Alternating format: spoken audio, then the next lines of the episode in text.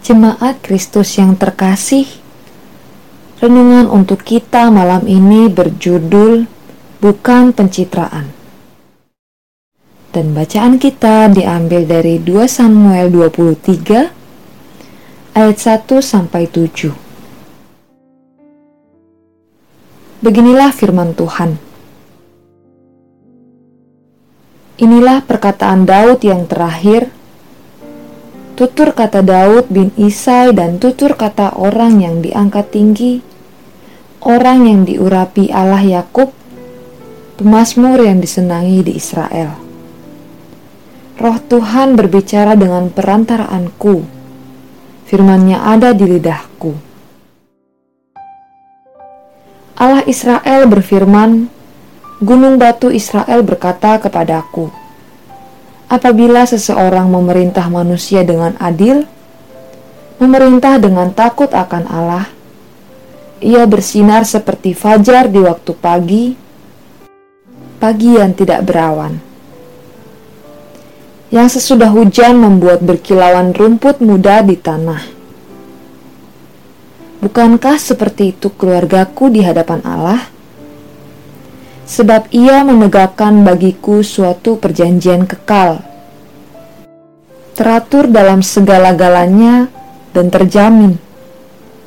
Sebab segala keselamatanku dan segala kesukaanku, bukankah dia yang menumbuhkannya? Tetapi orang-orang yang dursila, mereka semuanya seperti duri yang dihamburkan. Sesungguhnya, mereka tidak terpegang oleh tangan. Tidak ada orang yang dapat mengusik mereka kecuali dengan sebatang besi atau gagang tombak, dan dengan api mereka dibakar habis. Kehadiran teknologi yang semakin maju pada akhirnya juga memberi dampak buruk bagi kita. Salah satunya adalah kejahatan framing atau penggambaran sesuatu yang tidak tepat porsinya. Kehadiran kamera dan internet membuat kita cepat mendapatkan informasi, sekaligus dapat mengaburkan informasi yang sebenarnya. Di satu sisi, membawa banyak manfaat, namun ada bahaya besar yang mengintai kita.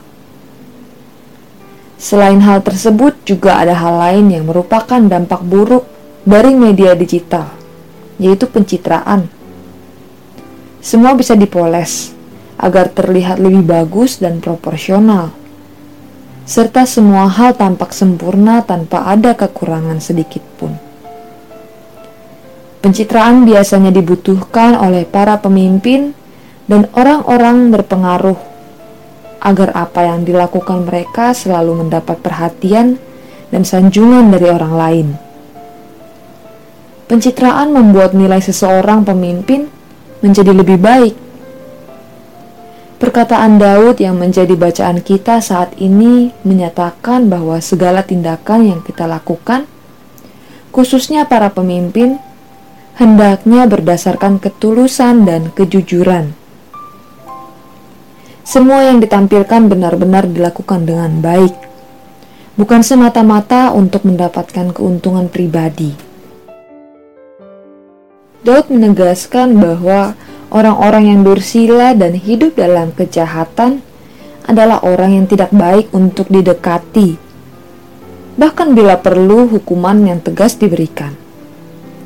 Oleh karena itu, bila kita adalah orang-orang yang memiliki jabatan atau orang-orang sederhana, sekalipun tetaplah menjaga dan memperjuangkan kebenaran.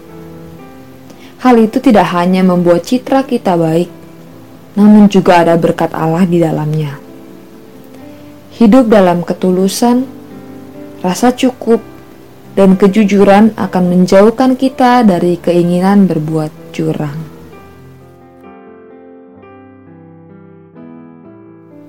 Demikianlah renungan pada malam ini.